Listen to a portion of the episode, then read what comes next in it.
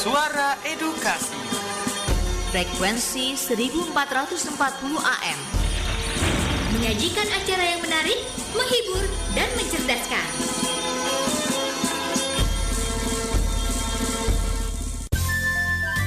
Waktu berputar dan perjalanan peristiwa pun berjalan.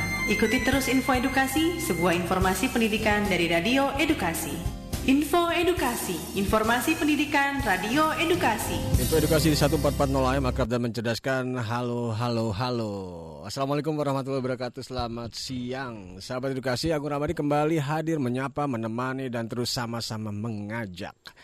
Mengajak sahabat edukasi di luar sana untuk sama-sama taat protokol kesehatan dan tentunya aktivitas yang dilakukan gunakan masker, menjaga jarak, Jangan lupa rajin mencuci tangan dan juga hindari kerumunan agar kita semua terhindar dari paparan virus corona 19 atau COVID-19. Dan tentunya Info Edukasi akan hadir kurang lebih 30 menit ke depan membawakan informasi-informasi terkini terupdate dari dunia pendidikan, Kemendikbud Ristek dan akan langsung saja sahabat edukasi kita simak informasi yang pertama.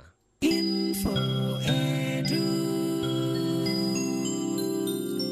Nah, sahabat edukasi informasi pertama ini terkait asesmen nasional atau AN yang tidak menimbulkan konsekuensi bagi individu siswa, guru maupun kepala sekolah dan tentunya Menteri Pendidikan Kebudayaan Riset dan Teknologi Nadiem Anwar Makarim menegaskan kembali bahwa asesmen nasional AN tidak menimbulkan konsekuensi apa pun bagi individu siswa, guru maupun juga kepala sekolah. Mendikbudristek dalam rapat kerja Komisi 10 DPR RI yang berlangsung secara luring pada 23 Agustus kemarin menyampaikan bahwa sudah disampaikan berkali-kali untuk AN tidak menimbulkan konsekuensi terhadap individu siswa, guru maupun kepala sekolah. Tidak ada konsekuensi juga ke anggaran untuk sekolah maupun juga ke kelulusan. Bahkan data tidak akan dipresentasikan sebagai individu tidak dipresentasi sebagai individu, melainkan agregasi sekolah. Menurut Nadim, kekhawatiran yang muncul di masyarakat dikarenakan selama bertahun-tahun ujian nasional telah terkondisikan sebagai sesuatu yang menakutkan. Bahkan ada ancaman bagi yang nilai UN-nya rendah, kepala sekolah bisa dimutasi. Nah persepsi ini yang harus dibasmi melalui AN tidak membebani individu seperti UN. Lebih lanjut, lanjut dijelaskan Kepala Badan Penelitian dan Pengembangan Balitban Balitbang dan Perbukuan Kemendikbudristek Anindito Aditomo AN bertujuan untuk mendorong perubahan positif dalam cara guru mengajar.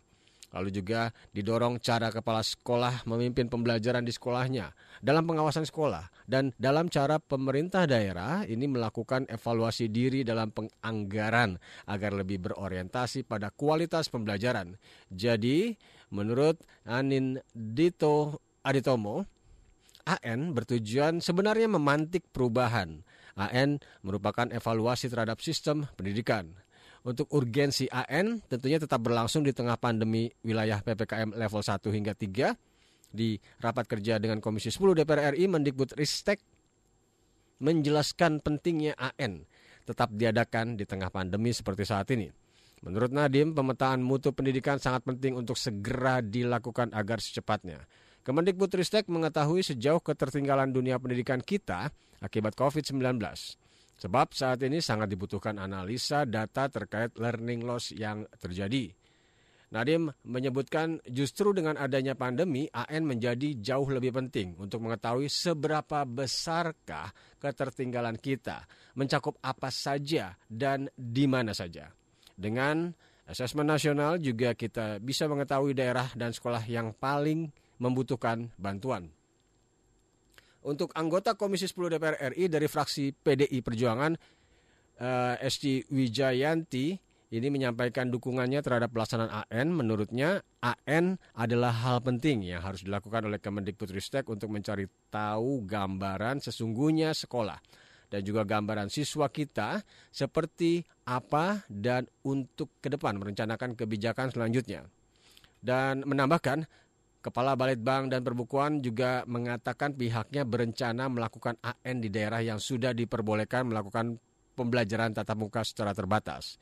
Dampak yang bervariasi akibat pandemi juga dinilai mendorong perlunya untuk melakukan pemetaan yang lebih menyeluruh. Dan dengan demikian, Kemendikbudristek dapat segera merancang program dan intervensi yang lebih terarah. Baik, sahabat edukasi, info edukasi akan berlanjut dengan informasi lainnya. Tetap di Suara Edukasi Akrab dan Mencerdaskan. Sering-sering cuci tangan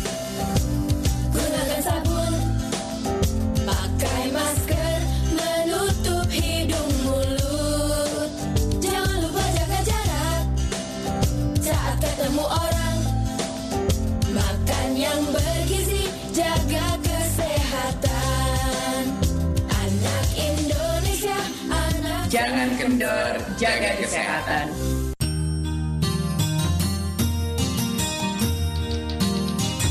Suara Edukasi. Frekuensi 1440 AM. Radio yang akrab dan mencerdaskan. Waktu berputar dan perjalanan peristiwa pun berjalan. Ikuti terus info edukasi, sebuah informasi pendidikan dari Radio Edukasi. Info Edukasi, informasi pendidikan Radio Edukasi. Info edukasi bisa didengarkan di web atau laman suaraedukasi.kemdikbud.go.id atau sahabat edukasi bisa mengunduh aplikasi di gawainya, aplikasi bernama TV Edukasi, lalu klik menu Suara Edukasi. Maka Suara Edukasi bisa didengarkan 24 jam non-stop asal sahabat edukasi tentunya terhubung dengan paket data atau juga internet. Baik, kita lanjut untuk fokus utama Kemendikbudristek di masa pandemi, di mana Menteri Pendidikan, Kebudayaan, Riset, dan Teknologi Nadiem Anwar Makarim mengungkapkan saat ini terdapat dua fokus utama kementerian. Yang pertama adalah segera mengembalikan anak untuk kembali belajar secara tatap muka dengan aman untuk mengurangi learning loss dan dampak permanen pada psikologi anak. Dan Nadim eh, mengatakan upaya terpenting sekarang adalah mengembalikan anak ke sekolah untuk meminimalisir learning loss dan dampak psikologis anak yang bisa berdampak permanen. Harus segera dilakukan seaman mungkin dan secepat mungkin dan dengan mengedepankan kehati-hatian. Demikian diungkapkan Nadim saat diskusi daring ngobrol Tempo bertajuk Indonesia Tangguh dengan SDM unggul yang dilakukan di 18 Agustus kemarin. Dan berikut cuplikan yang dilakukan bersama Menteri Nadiem di Ngobrol Tempo bertajuk Indonesia Tangguh dengan SDM unggul. target sistem pendidikan Indonesia ke depan setelah dua tahun ini dihajar pandemi? Ya, mungkin ada dua komponen dari jawaban itu. Pertama, apa yang harus dilakukan dalam waktu pendek dan apa yang kita rencanakan untuk jangka waktu panjang. Jadi yang pertama adalah prioritas nomor satu tidak akan dan tidak boleh berubah. Kita harus mengembalikan anak kepada sekolah tatap muka ya dengan uh, seaman mungkin dengan protokol kesehatan. Jadi ini adalah effort yang terpenting sekarang untuk mengembalikan anak untuk meminimalisir learning loss, meminimalisir uh, dampak psikologis daripada anak-anak kita. Uh, jadi itu harus segera uh, kita lakukan seaman mungkin dan secepat mungkin. Uh, dan yang kedua adalah bagaimana kita bisa mengejar ketertinggalan tersebut yang sudah terjadi uh, sebelumnya uh, melalui berbagai macam intervensi di dunia numerasi uh, dan literasi dan pendidikan karakter. Nah itulah makanya kita mengerahkan puluhan ribu anak-anak uh, kampus untuk membantu sekolah-sekolah SD dan SMP kita yang paling uh, tertinggal sebelumnya. Dan uh, strategi untuk digitalisasi sekolah juga menjadi bagian daripada mengejar ketertinggalan ini bagi teman-teman kita yang tidak punya akses di daerah-daerah yang sulit uh, melaksanakan PJJ untuk mengejar ketertinggalannya. Jadinya itu kira-kira uh, prioritas uh, uh, uh, urgennya ya dan selama short term. Kalau lebih jangka panjang ada berbagai macam kebijakan yang lebih berhubungan dengan merdeka belajar.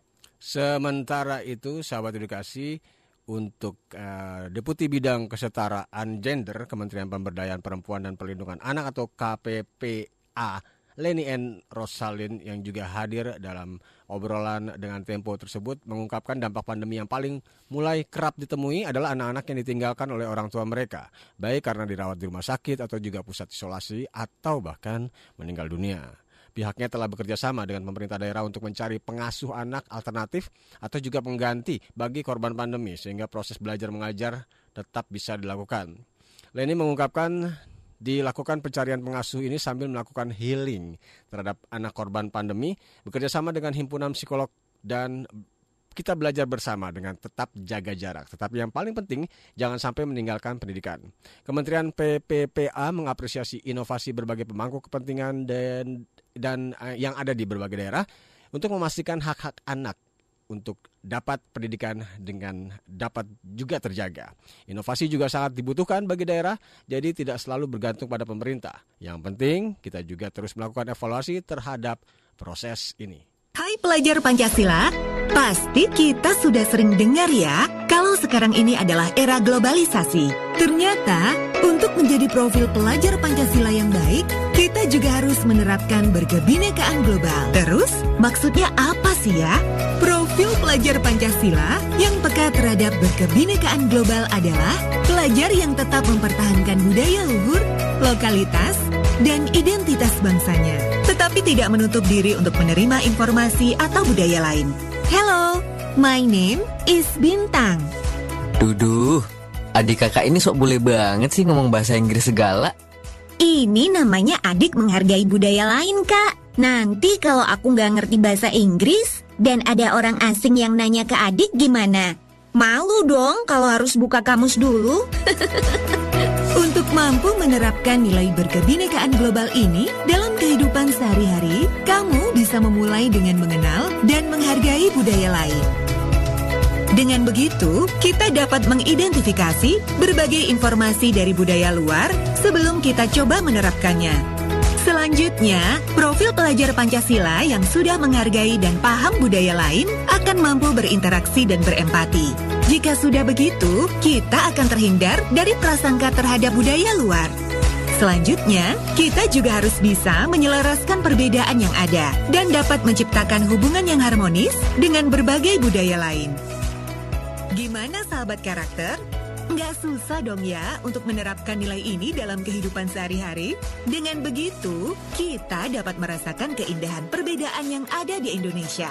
Kita juga dapat mendatangkan kebaikan karena setiap orang dapat hidup berdampingan dengan segala perbedaan. Yuk, mulai dari hal kecil.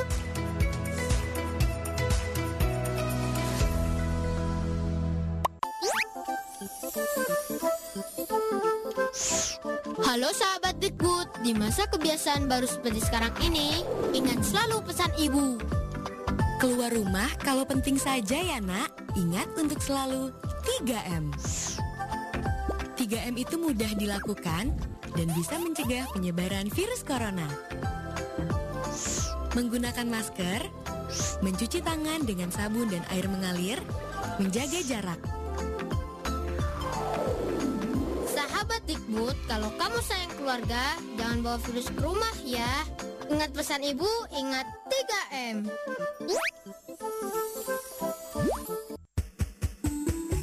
Suara Edukasi. Suara Edukasi.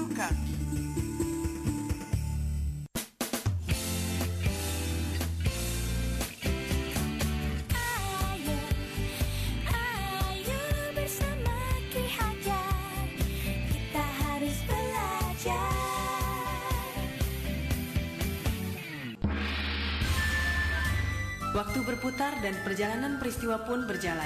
Ikuti terus info edukasi, sebuah informasi pendidikan dari Radio Edukasi. Info Edukasi, informasi pendidikan Radio Edukasi.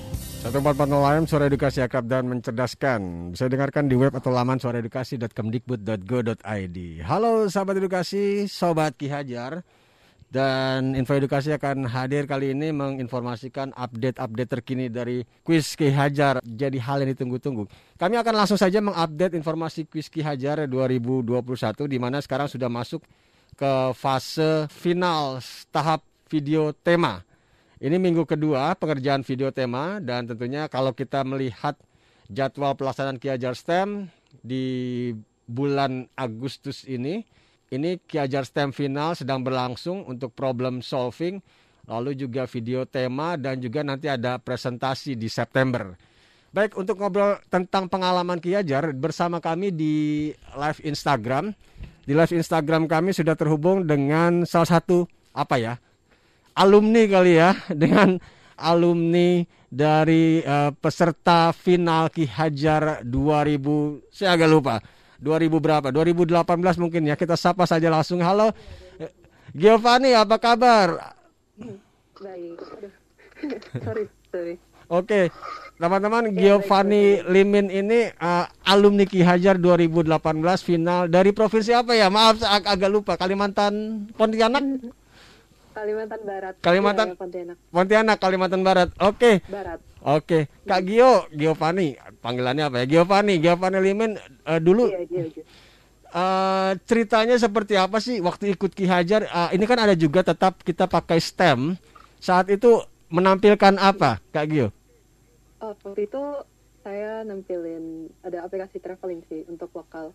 Nah, terus teman-teman yang lain juga banyak keren-keren gitu. Itu karena temanya harus bawa kearifan lokal. Jadi ada teman saya yang juga bikin minuman, wedang, Hmm. jahe gitu. Terus dibagiin juga sampelnya dan lain-lain. Keren sih, seru. Oke, oke. Seru-seru ya. Artinya masih ingat mungkin ada beberapa masih ada ngobrol-ngobrol nggak dengan teman-teman yang dulu yang lama-lama? Eh, kadang aja kalau Kadang-kadang aja ya. Nah, nah sahabat edukasi Kak Gio ini sekarang sedang eh, melakukan studi ya, betul ya studi ya Kak? Mm, betul. Studi di mana nih? Cerita dikit nih lagi ada di mana nih ceritanya? Oh, saya sekarang lagi studi S1 di Taiwan. Oke, di Taiwan jam berapa sekarang di Taiwan? Cuma beda satu jam sih. Oh, beda satu jam. Di sini jam 2. Oke, di situ jam Iya. 2 ya. Eh, ambil apa namanya eh, pendidikan untuk apa? Apa jurusan apa? Oh, saya jurusan Biomechatronic Engineering, teknik biomekatronika. Apa itu? Apa itu? Apa itu? Biomek. Coba ceritakan secara mudahnya. Bio. Ya, jadi biomechatronic. Jadi mekatronika itu eh, campuran teknik mesin sama teknik elektro, tapi untuk pengaplikasiannya di bioindustri. Hmm. Di mana? eh, saya lebih penasaran sebenarnya gimana COVID di sana. Oh, COVID ya. Kemarin sebenarnya sempat ada kasus lumayan banyak, cuman sekarang udah mulai pulih sih. Pelan-pelan udah mulai pulih. Oke, Eh, belajarnya seperti apa jadinya? Belajarnya hubungannya jadi seperti apa? Sebenarnya eh, kemarin dari tahun lalu ya pas saya datang itu masih offline. Kuliahnya masih offline eh, normal seperti biasa. Cuman waktu itu bulan Mei, bulan Mei tiba-tiba ada kasus jadi semuanya online juga. Kan mirip lah sama di Indo. Jadi e-learning.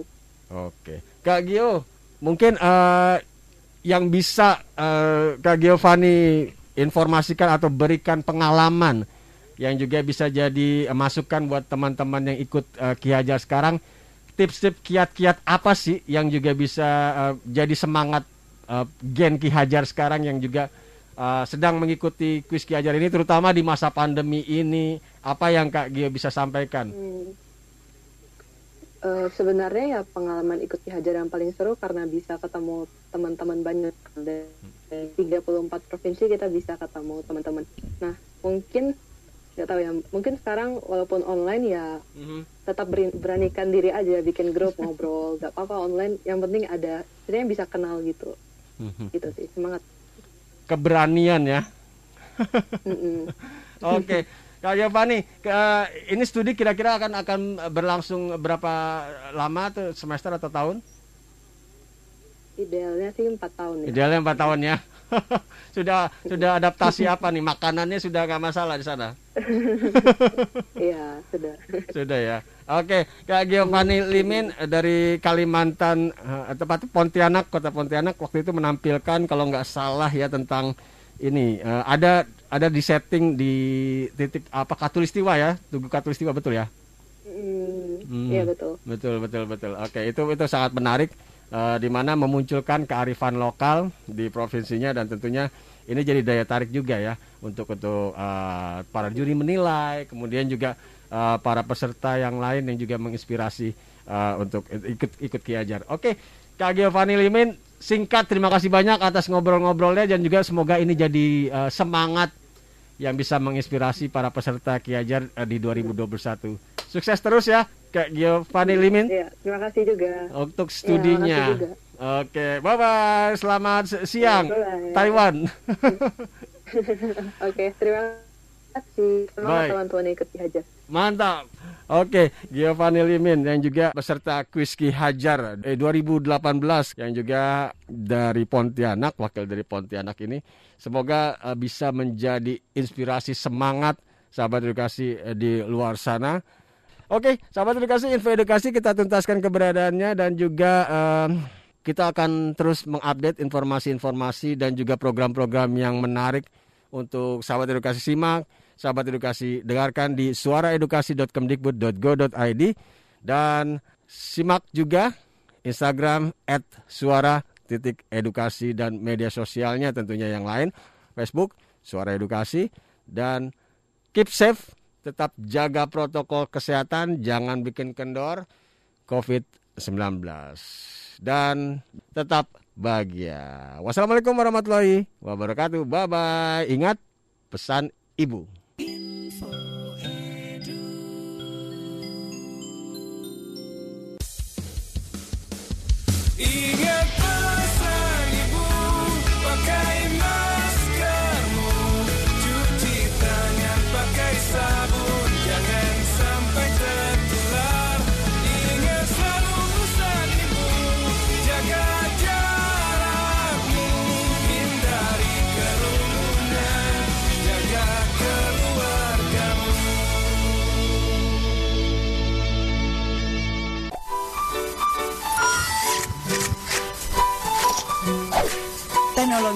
Berkembang setiap waktu. Apa persiapan kita untuk masa depan anak didik? Mereka lahir pada era teknologi. Sudahkah kita persiapkan diri? Pendidikan 4.0 sambut tantangan baru. Tinggalkan pembelajaran monoton yang membosankan. Memanfaatkan TIK dan inovasi dalam pembelajaran. Teknologi lahir dari pendidikan. Sudah selayaknya kita manfaatkan. Mari kita mulai search Rumah Belajar Kemdikbud. Belajar.kemdikbud.go.id. Manfaatkan untuk pembelajaran. Belajar di mana saja, kapan saja, dengan siapa saja. Belajar untuk semua.